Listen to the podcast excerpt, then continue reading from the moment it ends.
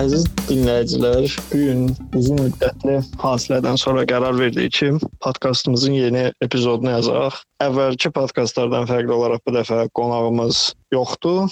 Ee, biz özümüz qərar gəldik ki, araşdırdığımız mövzuları müzakirə eləyək. İlk mövzu olaraq da Qazaxstanda, daha doğrusu Astana Beynəlxalq e, Maliyyə Mərkəzinin yaradılmış məhkəmə ilə bağlı müzakirələr aparaq. Deməli 2015-ci qanunla yaradılmış, lakin fəaliyyətini 2018-ci ildə Astanada hazırki adı ilə Nursultan Beynəlxalq Maliyyə Mərkəzinin tərkibində bir məhkəmə yaradılmışdır. Həmin məhkəmənin əsas funksiyası ondan ibarətdir ki, əsas belə deyək, fərqləndirən cəhət ondan ibarətdir ki, o ingilis hüququ, yəni bu common law kimi tanınan ingilis hüquq sistemi üzərindən fəaliyyətini həyata keçirir və mülki və kommersiya məsələləri üçün səlahiyyətlidir. Bu barədə NİAQ-la bu gün müzakirə aparaq. Bu məhkəmənin fəaliyyəti, onun təbiəti və digər əlaqəli suallar onun belə deyək araşdırma fəaliyyətinin mərkəzində duran suallardan biri olub müəyyən müddət ərzində. Nihat, necəsən? Yaxşıyam, Nicat, çox sağ ol. Hər vaxtın xeyir, sən necəsən? Hər vaxtın xeyir. Mən də yaxşıyam. Gəl istəyirsən ilk növbədə bu Qazaxstan Qazaxstan belə deyə Orta Asiyada yaratdığı yeni təcrübənin tarixi əsaslarından, belə də tarixi inkişafından danışaq. Ki bu necə olub yaranıb və, digər əlaqəli məsələlər. Okay, ə, əslində bunun ə, özünün yaranma ə, belə bir məhkəmənin özünün ümumiyyətlə mövcud olması əslində maraqlı bir ə, hadisədir. Çünki bildiyimiz kimi Qazaxstan keçmiş postsovet ölkəsidir və orada belə deyim ingilis dili ə, ölkənin rəsmi deyil və s. Ə, amma ingiliscə fəaliyyət göstərən və ingilis hüququ əsasında bir növ belə fəaliyyət göstərən məhkəmənin özünün ortaya çıxması əslində maraqlı məsələdir. Bunun deməli əslində uzaq bir tarixi yoxdur təbii ki, bu məhkəmənin yaradılmasının. Əslində bunun ə, belə deyim, bir çox iqtisadi və siyasi səbəbləri var bu məhkəmənin yaradılmasına belə deyim, gətirib çıxaran. Lakin bugünkü təbii ki, bizim marağımıza deyil o məsələlər, çünki biz burada Qazaxıstanın iqtisadi və ya siyasi belə deyim, vəziyyətini müzakirə etmir, daha çox məhkəməyə fokuslanmaq istəyirik. Amma bu məhkəmənin yaradılmasının əsasını demək Qazaxıstanın o vaxtki prezidenti Nursultan Nazarbayev tərəfindən 2015 2025-ci ildə bir növ elan olunan 100 konkret addım proqramı deməli təşkil eləyir. O vaxtı e, bunu bu proqramı e, belə deyim elan etməkdə məqsəd e, Qazaxstanda 5 institusional islahatı həyata keçirməkdən ibarət idi. Bu addımların bir tərkibi olaraq da deməli Qazaxstanda o vaxtki adı ilə Astana, indiki adı ilə Nur-Sultan şəhərində beynəlxalq maliyyə mərkəzinin yaradılması nəzərdə tutulmuşdu və bu beynəlxalq maliyyə mərkəzinin yarad tərkibində common law ingilis hüququ əsasında işləyən bir məhkəmənin yaradılması da nəzərdə tutulmuşdu. Əslində bu təcrübəni Qazaxstan ə, e, icad eləməyib. Bu bilinən bir ə, e, təcrübə idi. Ə, və Qazaxstan ə, burada ə, deməli Birləşmiş Ərəb Əmirliklərinin təcrübəsindən istifadə eləyib. Ə, xüsusilə ə, Birləşmiş Ərəb Əmirliklərində bu tip 2 ə, deməli maliyyə mərkəzi və məhkəmə fəaliyyət göstərir. Bunlardan birincisi Dubaydakı Beynəlxalq Maliyyə Mərkəzidir, hansı ki ə, elə Astana Beynəlxalq Maliyyə Mərkəzini də onun for onun əsasında yaradılıb və məhkəmə də elə onun ə, əsasında yaradılıb. Yəni onun ə, oradan örnək alaraq yaradılıb. Birləşmiş Ərəb Əmirliklərindəki ikinci belə məhkəmə Abu Dhabi Global Market dediyimiz maliyyə mərkəzindəki məhkəmədir və Qatarda daha sonra belə bir ə, təcrübə var. Orada da belə bir məhkəmə fəaliyyət göstərir. Yəni əsasən bu ə, ərəb ölkələrində bu tip təcrübə artıq var idi və Qazaxstanda bu təcrübədən istifadə edərək belə bir maliyyə mərkəzi və ə, məhkəmə yaratdı. Burada təbii ki, əsas hədəf ölkəyə belə deyim, xarici investorların cəlb olunması idi. Yəni əsas bunun iqtisadi e, səbəbi. Çünki əslində burada biz e, həmişə nəticədən bəhs edirik. Deməli, hüquqi enklavlardan bəhs edirik biz həmişə. Bu da nə deməkdir? E, bu ə, hüquqi enklavlar dediyimiz şey ondan ibarətdir ki, müəyyən növ fəaliyyətlərin tənzimlənməsi üçün ölkə daxilindəki adi ə, qanun hüquq sisteminə əlavə olaraq başqa bir ə, belə deyim, hüquqi rejim yaradılır və o müəyyən növ fəaliyyətlər üçün tətbiq olunur. Bunun bir örnəyi e, elə Qazaxıstan üçün bu, bu bu da Qazaxıstan üçün yeni deyildi. Çünki Qazaxıstan da elə ilk müstəqilliyinin ilk 10 illərində, ilk ilk 10-cu ilk 10 ilində və s. deməli xüsusilə neft sektorunda bildiyimiz kimi hasilatın pay bölgüsü sazişləri imzalamışdı, elə Azərbaycanda olduğu kimi və o vaxtda məsələn Qazaxıstan neft sektorunda hasilatın pay bölgüsü sazişləri vasitəsilə müəyyən hüquqi xüsusi hüquqi rejim yaratmışdı bunu tənzimləmək üçün. Və bu maliyyə mərkəzi də əslində eyni məntiqə malikdir.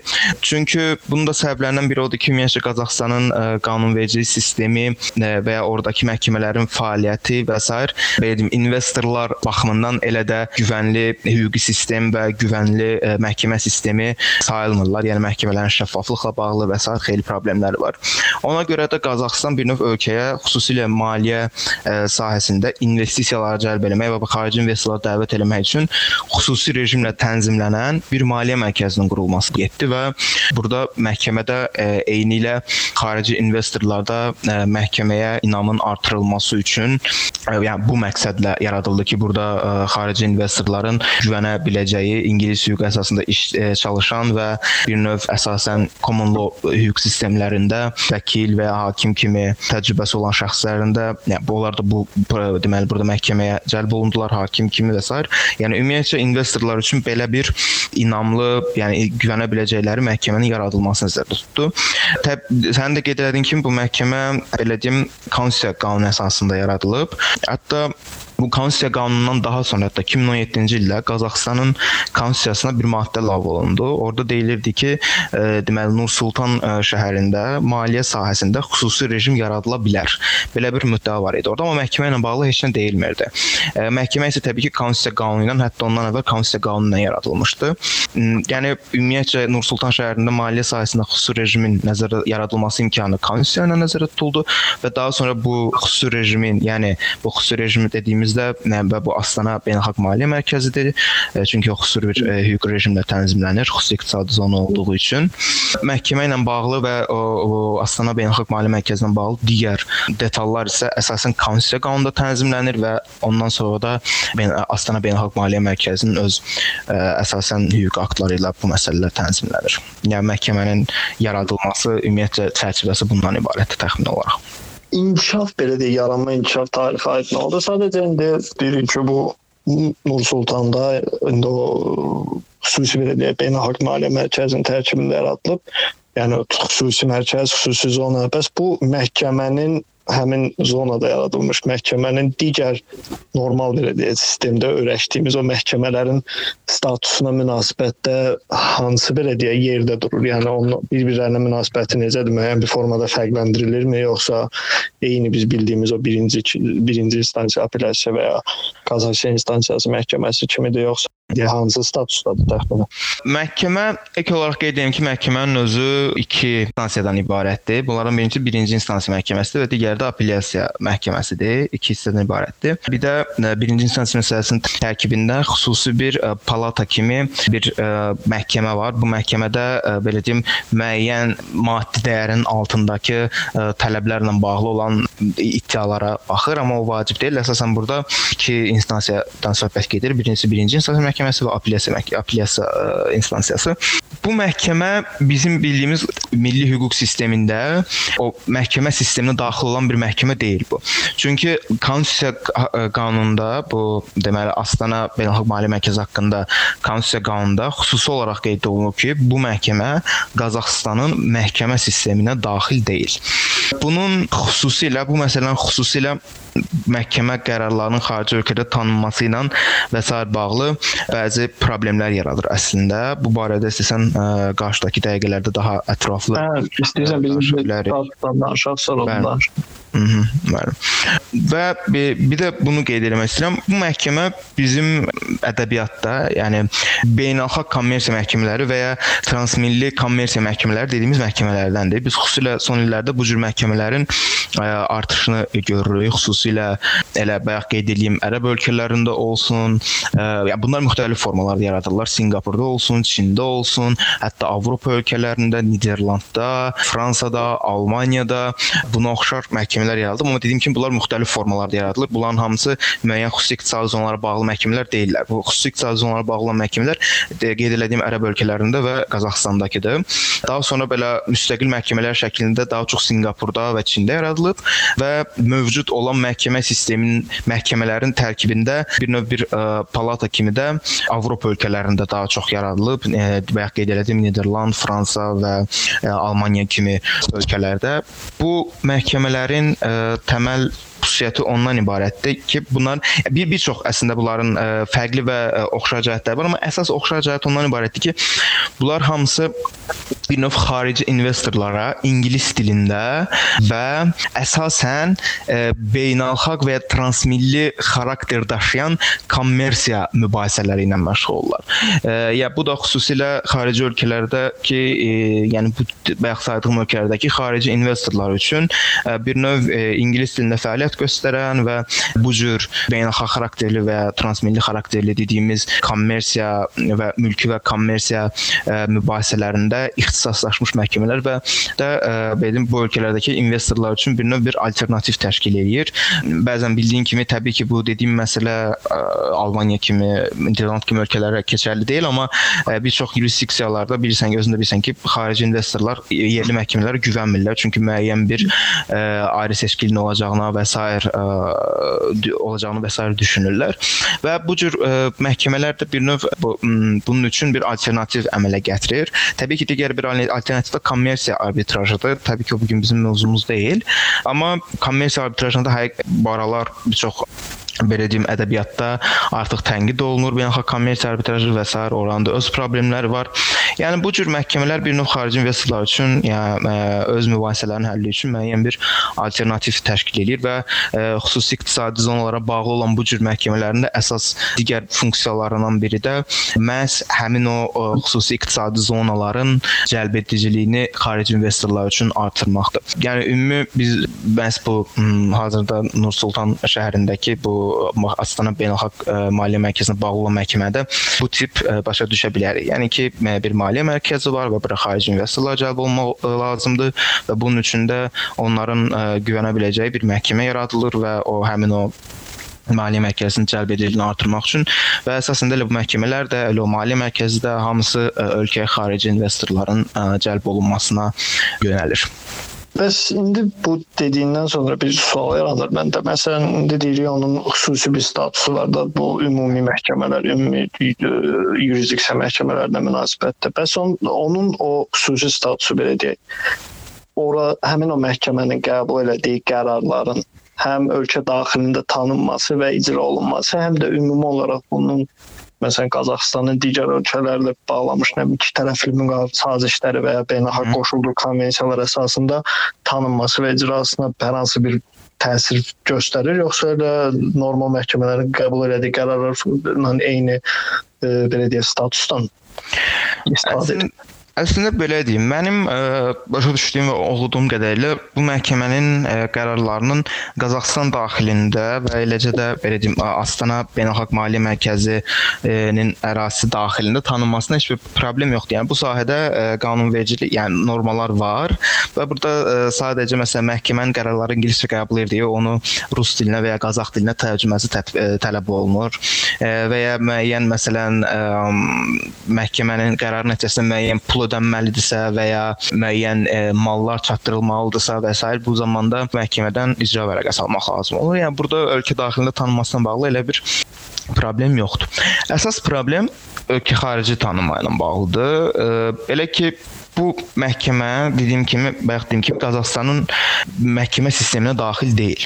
Amma onun qərarları eyni zamanda yəni arbitraj qərarları da deyil. Çünki arbitraj qərarları olsaydı burada ə, e, belə deyim New York konvensiyası ilə bu bir çox ölkələrdə tanına bilərdi, amma bu məhkəmə arbitraj məhkəməsi deyil, arbitraj deyil, arbitraj orqanı deyil və onun qərarları arbitraj qərarları deyil. Və ona görə də burada xüsusilə ədəbiyyatda bəzi müəlliflər artıq bunun ə, məhkəmənin qərarlarının xarici ölkədə tanınmasını bir növ sorğuluyurlar. Və ə, bir də onu qeyd edim ki, onu yadımdan çıxdı qeyd eləmək. Bu qanunvericilik, ümumiyyətlə Qazaxstandakı qanunvericilik və Astana Beynəlxalq Maliyyə Mərkəzinin qanunverici xarici ölkədə tanınma haqqında çox bir şey demir. Yəni bu necə olacaq, bunu demir. Təbii ki, və burada müəlliflərin, ə, dedim, alimlərin qeyd elədiyi məsələlərdən biri odur ki, xüsusilə bu məhkəmənin Qazaxstanın məhkəmə sisteminə daxil olmaması ona gətirib çıxara bilər ki, Qazaxstan xüsusilə bu məhkəmə qərarlarının tanınması və icrası barədə Qazaxstanın üzv olduğu məhkəmə qərarlarının tanınması və icrası barədə müqavilələrdə ola bilsin ki, yəni bu tərəflər artıq burdakı məhkəmə prosesinin tərəfləri bu müqavilələrə istinad edə bilməsinlər. Çünki bu məhkəmə sistemi tərkibi deyil. Və ya məsələn ə, suallardan biri də odur ki, məsələn bu qarşılıq əsasında bu məhkəmə qərarları tanına bilərmi? Çünki burada əsasən qarşılıq digər ölkə məhkəmə ə, sisteminə daxil olan bir məhkəmələrə aid olur. Yəni burada əsas problemlərdən biri də o ola bilər ki, məsələn qarşı bir ölkə ə, deyə bilər ki, bu ölkə bu məhkəmə o ə, ölkənin məhkəmə sisteminə daxil deyil, ona görə də qarşılıq məsələn ona tətbiq olunmur. Yəni belə suallar var. Amma təbii ki, ədəbiyyatda bununla bağlı bir çox ə, həllər təklif olunur əslində. Yəni bu necə ola bilər ki, bu qərarlar tanınsın? Yəni bunlardan biri məsələn odur ki, məsələn xarici ölkələr bu o müddəaya baxmayaraq, yəni hansı ki təsbit eləyir ki, bu məhkəmə Qazaxıstan məhkəməsinə daxil deyil. O müddəaya baxma, baxmayaraq deyirlər ki, xarici ölkələr bunu Qazaxıstan məhkəmə məhkəmə orqanı kimi qəbul eləyə bilərlər, çünki onun ə, maliyyələşməsi Qazaxıstan büdcəsindən təmin olunur və s. Və ya deyirlər ki, bu məhkəmə özü digər beynəlxalq məhkəmələrlə qarşılıqlı tanınma və icra barədə ya anlaşma memorandumları bağlaya bilər və ya anlaşmalar eləyə bilər və s. E, yəni burada da bir şey qeyd edim ki, xüsusilə bu məhkəmə belə bir e, forum var. E, deməli kommersiya məhkəmələrinin beynəlxalq forumu deyə bir bir forum var və bu bu forum bu məhkəmələr arasındakı qarşılıqlı tanınmanı və s. anlaşma memorandumları və ya qeyri-rəsmi anlaşmalar əsasında bir növ asanlaşdıra bilər. Yəni belə məsələlər ümumiyyətcə var. Yəni bu belə ədəbiyyatda da ə, müzakirə olunan məsələdir. Amma burada əsas ə, məsələ nədir ibarət? Burada biz məhkəmə məhkəmə özü isə deyir ki, çünki mə məhkəmənin ə, belə internet saytında göstərilir ki, məhkəmənin qərarları xarici ölkələrdə 3 cürə tanına bilər. Biri deyir ki, ə, deməli Minsk və Kiyev konvensiyaları kimi konvensiyalarla ə, bir çox ə, postsovet ölkələrində, ikincisi Qazaxstanın üzv olduğu məhkəmə qərarlarının tanınması və icrası barədə iki tərəfli müqavilələrlə, bura hansı ki Azərbaycan, Çin, Gürcüstan, Hindistan, Türkiyə kimi ölkələr və sair daxildir. Üçüncü isə belə deyim, qarşılıq əsasında, yəni məhkəmədən, yəni məhkəmələrin öz aralığında müəyyən etdiyi qarşılıq əsasında və sair belə tanınan üç yol göstərir. İndi burada biz ə, bunu yoxlayanda ki, həqiqətən bu müqavilələr vasitəsilə tanına bilərmi? Burada əslində fərqli nəticələr ortaya çıxır. Çünki məsələn biz e, Minsk konvensiyasına baxırıq. Minsk konvensiyasında deyir ki, bir növ e, müqavilə üzv olan tərəflərin, yəni mülk hüquq sahəsindəki ədli orqanların qərarları digər e, müqavilə tərəfləri tərəfindən tanınır və icra olunur. Amma Çinlə olan iki tərəfli müqaviləyə baxırıq. Orda isə sadəcə deyir ki, tərəflərin ərazisində qəbul olunmuş məhkəmə qərarları digər tərəf tərəfindən tanınır və icra olunur. İndi məsələn Çinlə olan müqavilədə elə bir problem görsənmir. Çünki ə, e, burada yəni bu bu faktiki olaraq ə, e, bu məhkəmə ə, e, Qazaxıstanın ərazisində fəaliyyət göstərən məhkəmədir. Yəni ki, bunun ə, bunun o tərəfi bu tərəfi yoxdur. Yəni ona görə burada mən hər hansı bir problem olacağını qəti şəkildə düşünmürəm.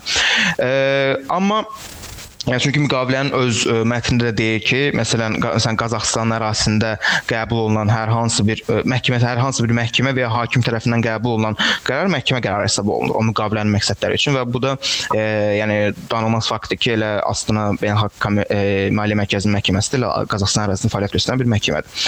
Amma Minsk konvensiyasında isə ə, bir qədər fərqlidir. Çünki burada artıq biz ə, bir növ ingiliscə tərcüməsində judicial organ dediyi bu ə, bir növ ədliyyə orqanları qərarları bizim dildə tərcümə etsək, e, ədli orqanların qərarlarından söhbət gedir.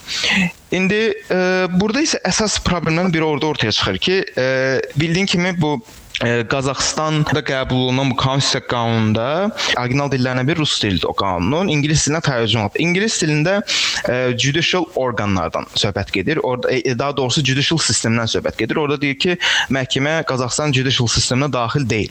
Və Minsk konvensiyasında, Minsk konvensiyasında orijinal rus dilidir, amma orada ingilis dilinə baxanda judicial organs deyir. Judicial, e, yəni ədli orqanlar deyir.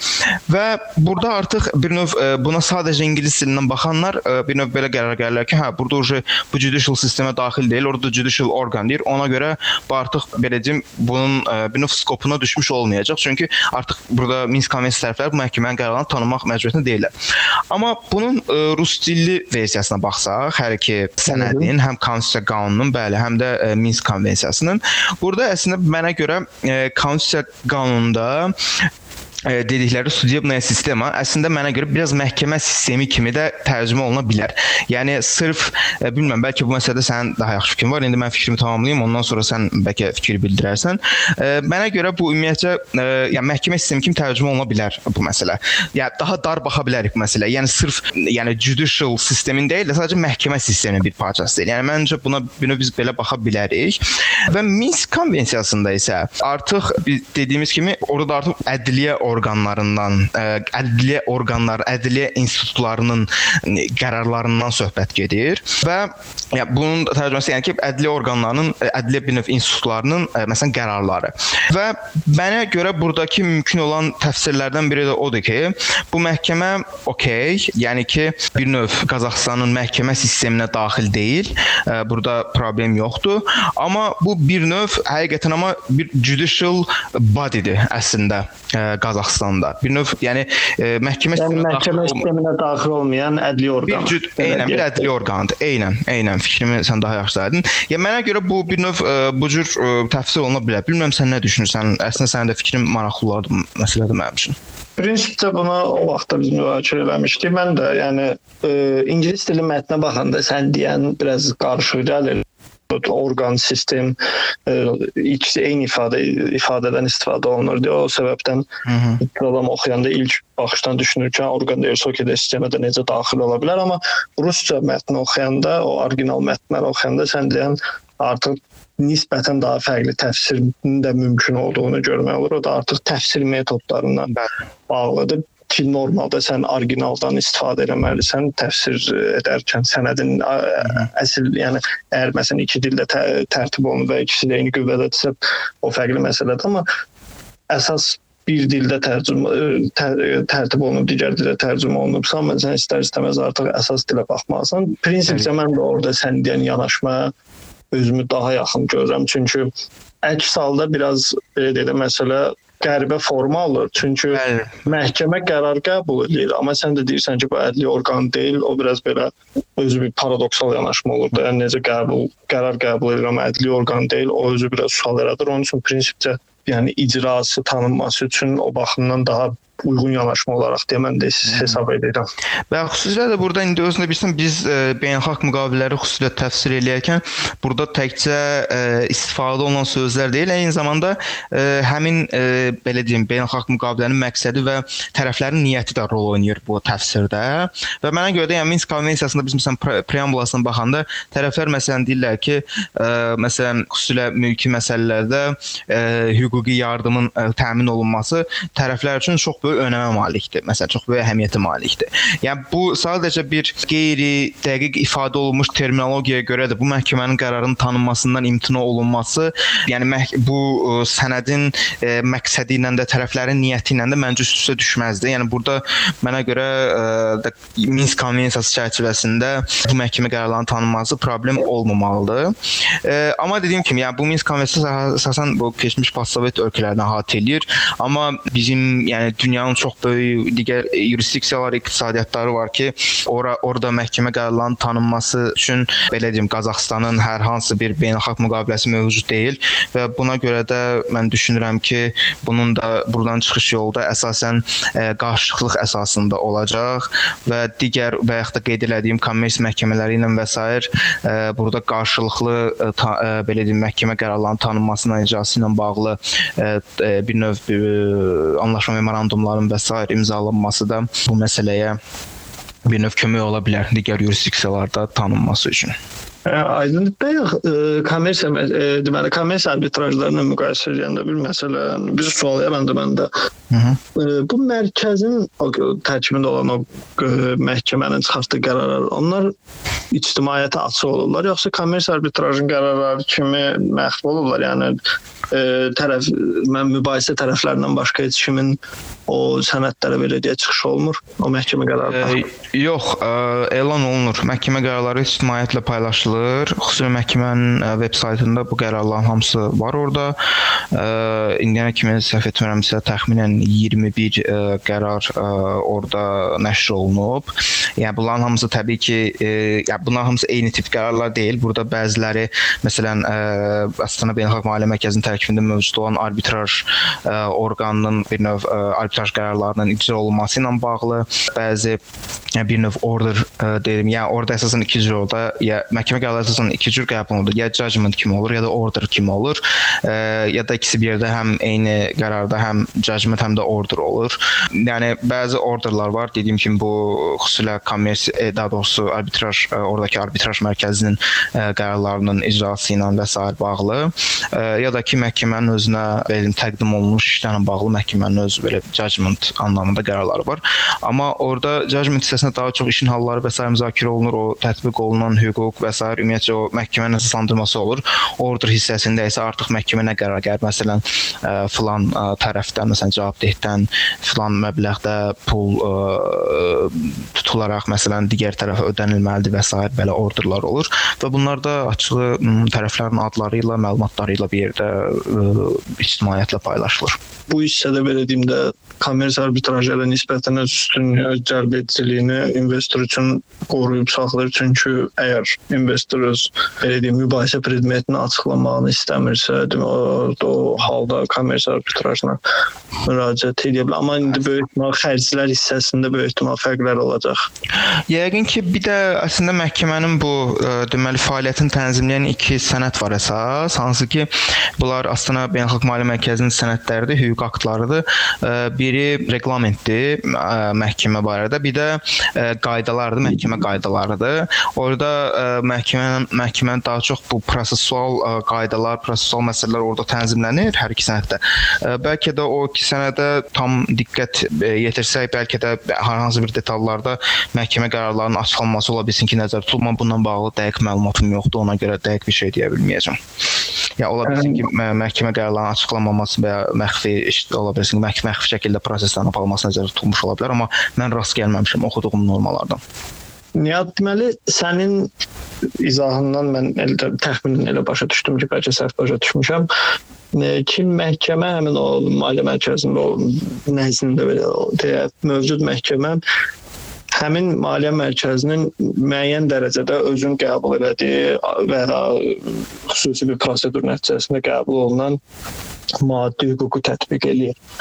Mənim sualım ondan ibarətdir ki, ilk olaraq o belə deyək, o mənbələr necə formalaşır? Bu bildiyimiz normal qaydada qanunvericilik proseduru ilə parlamentdən, yəni par parlament e, fəaliyyəti nəticəsində qəbul olunur, yoxsa burada birbaşa olaraq hansı müəyyən aktlarda istinad göstərilir ingilis hüququna və ya e, bu common law-nun digər hansı bir ümumiləşdirilmiş və s əsasına yoxsa mərkəz özü qanunverici müəyyən dərəcədə belə deyək, məhdud qanunvericiliyi fəaliyyəti ilə məşğul olur. Bu tam olaraq proses e, necə olur, onu ümumi olaraq bizə izah edə bilərsən?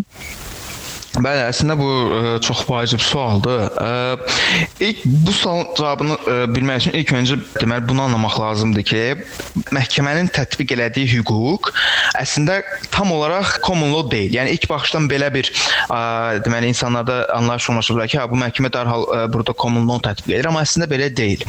Burada və bunu anlamaq üçün ə, burada biz məhkəmə belə deyim, Astana Beynəlxalq Maliyyə Mərkəzinin öz bir növ ə, qanunverici sistemini başa düşməliyik. Öz deməli deməli o, bunlar acting law deyirlər. Yəni bu qüvvədə olan e, və ya bu tənzimləyən hüququ biz nəzərə e, başa düşməliyik. Bu Astana Beynəlxalq e, Maliyyə Mərkəzinin bir növ buradakı qanunverici sistemi başa düşməliyik. Deməli bu sistem, bunların öz hüquqi sistemi təbii ki, Qazaxıstanın konstitusiyasına əsaslanır və 3 əsas elementdən ibarətdir. Birincisi konstitusiya qanunudur, bayaq haqqında bəhs etdiyimiz.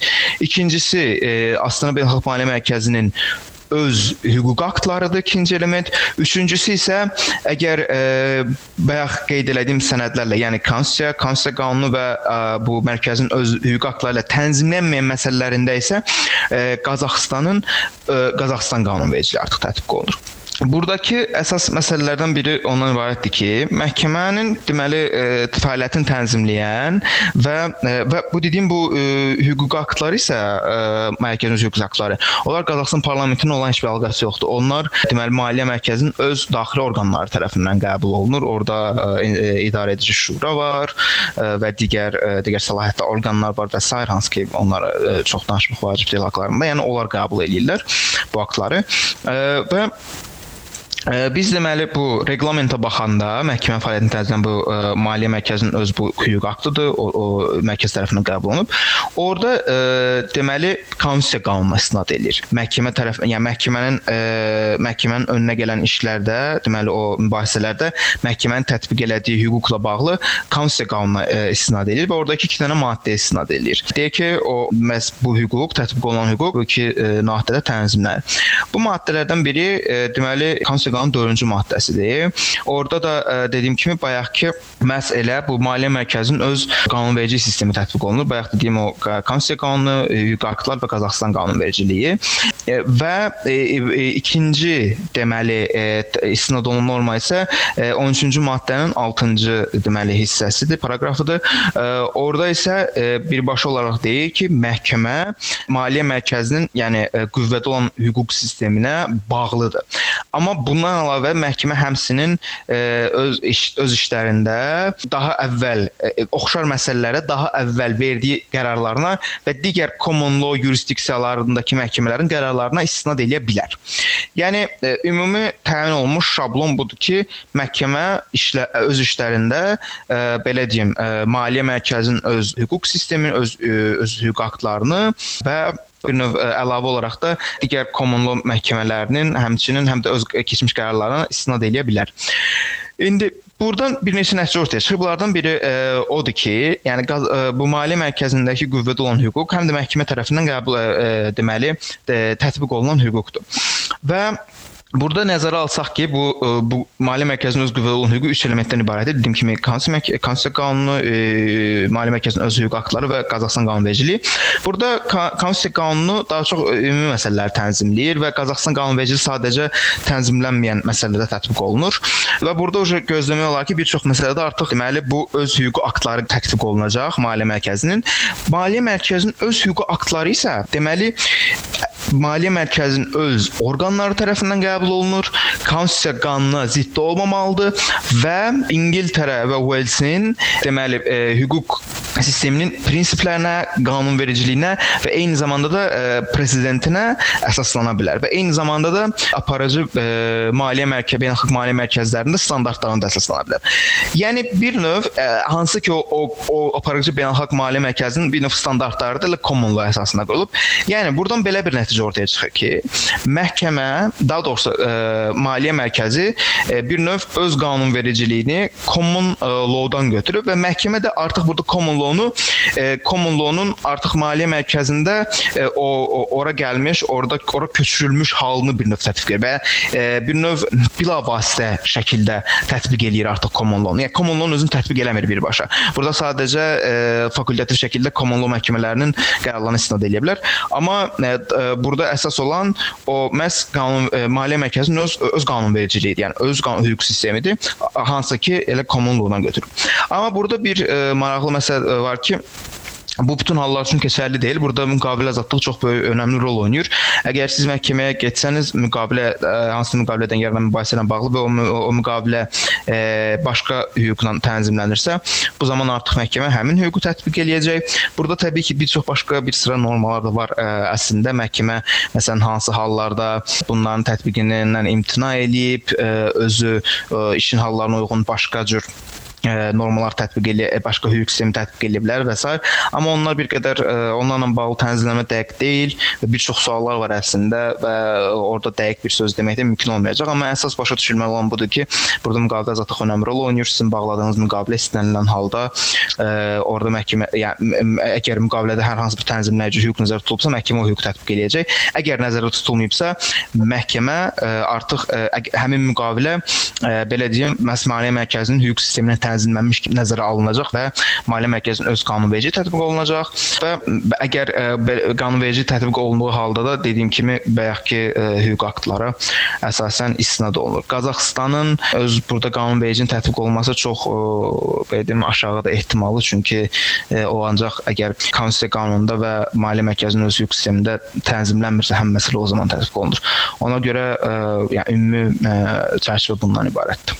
Bir də son olaraq bir şey soruşum. Bu ümumiyyətlə məhkəmənin yurisdiksiyası necə müəyyən olunur? Yəni hansı işlərə baxa bilər məhkəmə? Belə deyim, məhkəmənin yurisdiksiyası ə, da həm konstitusiya qanununda, həm də bu məhkəmənin ə, fəaliyyəti barədə reqlamentdə tə, ə, tənzimlənir və burdan da çıxan ortaq nəticə bundan ibarətdir ki, məhkəmənin 4 ə, əsas məsələdə ə, müstəsna yurisdiksiyası var və bunlardan ə, biri ə, maliyyə mərkəzinin iştirakçıları, yəni orada qeyd olunmuş yaranmış hüquqi şəxslər, yəni orada e, yaranmış və ya ə, e, müəyyən ə, e, filial və nümayəndəlik vasitəsilə orada fəaliyyət göstərən və oranın iştirakçısı ə, statusunu almış həmin o şirkətlər arasında, ə, yəni maliyyə mərkəzi iştirakçıları və ya maliyyə mərkəzi iştirakçıları maliyyə mərkəzinin orqanları arasında və ya ə, iştirakçılarınla onların xarici işçilər arasında və ya orqandan olan xarici işçilər arasında, yəni bu bir başlıq altında qeyd olunur. Yəni ki, buradakı bütün aktorlar arasında da, yəni ki, iştirakçılar, orqanlar və e, onların bu ikisinin e, xarici işçilər arasında olan bütün şeylər məhkəmənin müstəsna artıq səlahiyyətinə düşür. E, ikinci məsələ burada deməli e, yurisdiksiya ondan ibarətdir ki, ikinci başlıq burada məhkəm e, e, maliyyə mərkəzinin daxilində həyata keçirilən və maliyyə mərkəzinin hüququ ilə tənzimlənən məsələlərdən ortaya çıxan e, mübahisələr məhkəmənin müstəsna e, yurisdiksiyasına aiddir.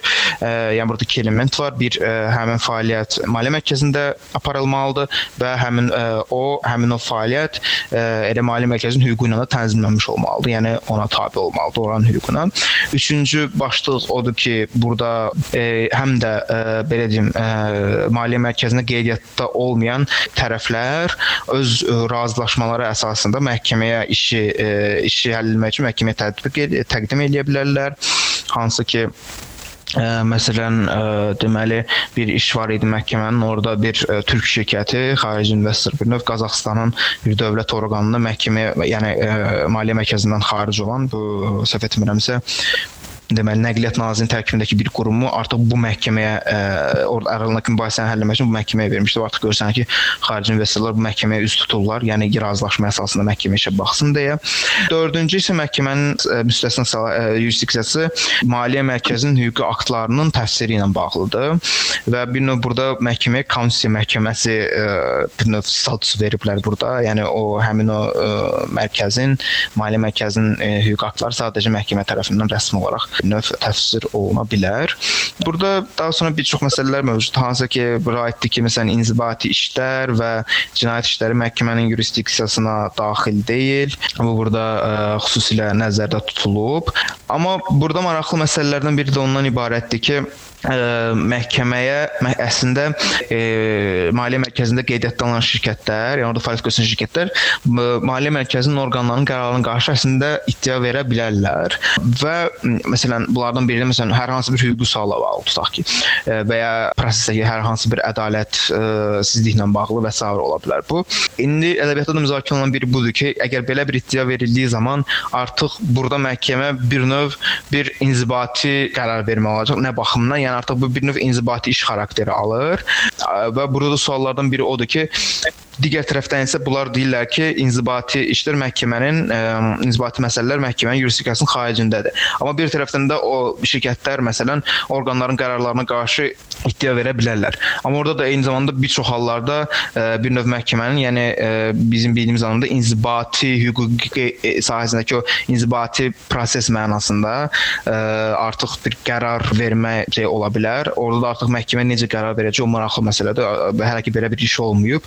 Yəni sırf burada inzibati işlər mənim yurisdiksiyama daxil deyil, ona görə qəbul olunmurmu deyəcək, yoxsa ə, hər hansı bir qərar mı qəbul edəcək inzibati məsələ ilə bağlı, inzibati mübahisə ilə bağlı o da bir ə, sualdır. Hələ ki cavabı yoxdur, belə deyim. Yəni ə, burada bir də məhkəmə bəzi problem məsələlər var. Məhkəmə bəzi hallarda çünki nə vaxt ki belə uyğun hesab eləsə öz ə, yurisdiksiyasını rədd edə bilər və məhkəmə ə, deməli ə, həmin prosesi Qazaxstandakı başqa bir məhkəməyə ötürə bilər. Bu da ə, ədəbiyyatda əsasən tənqid olunur. Çünki deyirlər ki, birincisi bu belə bir normalar yoxdur, bunu əsaslandırsın. Bu cür nə hansı hallarda yəni bu öz yurisdiksiyasından belə imtina edə bilər bir növ. Çünki orada deyir ki, ancaq yəni arzu olunan hallarda və uyğun gördüyü hallarda. Yəni bunlar tam olaraq dəqiq anlayışlar deyil. Və ya ikincisi məsələ bundan ibarətdir ki, sanki məhkəmə ə, normalda Qazaxstanın məsələn beynəlxalq xüsusi hüquq haqqında normalarını tətbiq edə bilməz sanki. Yəni baxa bilməz ki, bu işi hansı məhkəməyə baxmalı, baxmalıdır, yəni hansı yurisdiksiya hansı yurisdiksiya məhkəməsi baxmalıdır. E, yəni buna baxmadan birbaşa elə bir Qazaxstan məhkəməsinə ötürməlidir bunu və s. Burada ə, belə deyim tərəflərin ə, müstəqilliyi və s. yəni onların yəni öz razılaşma əsasında xüsusi məhkəməyə verdikləri məsələdə də ola bilər ki, o bizim o parti avtonomi dediyimiz prinsip pozulmuş olsun və s. Yəni bir də bu məsələlər var orada problemli məsələlər kimi, yəni ki, onların cavabı yoxdur. Yəni ümumi bundan ibarətdir. Məhkəmənin əsasən baxdığı mübahisələr.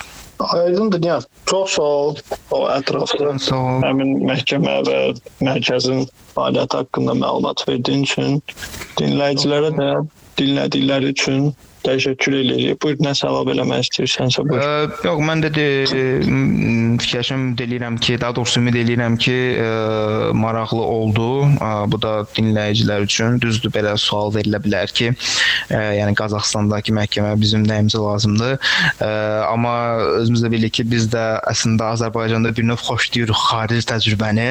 Ə, yəni Qazaxlar da qədərlə Həm də məsələn ələt, ələt iqtisadi zonasında. Bəli, bəli. Düzdür, orada elə bir məhkəmə yaradılması nəzərdə tutulmayıb, amma ə, yəni belə görünür Qazaxlar da bizim kimi xoşlayırlar deyəsən xarici təcrübəyə həmişə istinad eləməyi və ə, belə deyim uğurlu olmuş xarici təcrübəni tətbiq eləməyi və s. Ə, ona görə kim bilir bəlkə bir gün bizdə də belə qərara gələcəklər ki, bizdə də belə bir məhkəmənin olması bəlkə də yaxşı olardı və s. Ə, ona görə bu ə, Qazaxstandakı məhkəmədə həqiqətən yəni maraqlı ə, bir ə, hüquq, hüquqi ə, hadisədir, belə deyim. Aydındır. Çox sağ ol. Ə, sən sağ ol. Ə, gələn görüşlərə dək hər kəsə təşəkkürlər dinlədiyi üçün və sağ olun.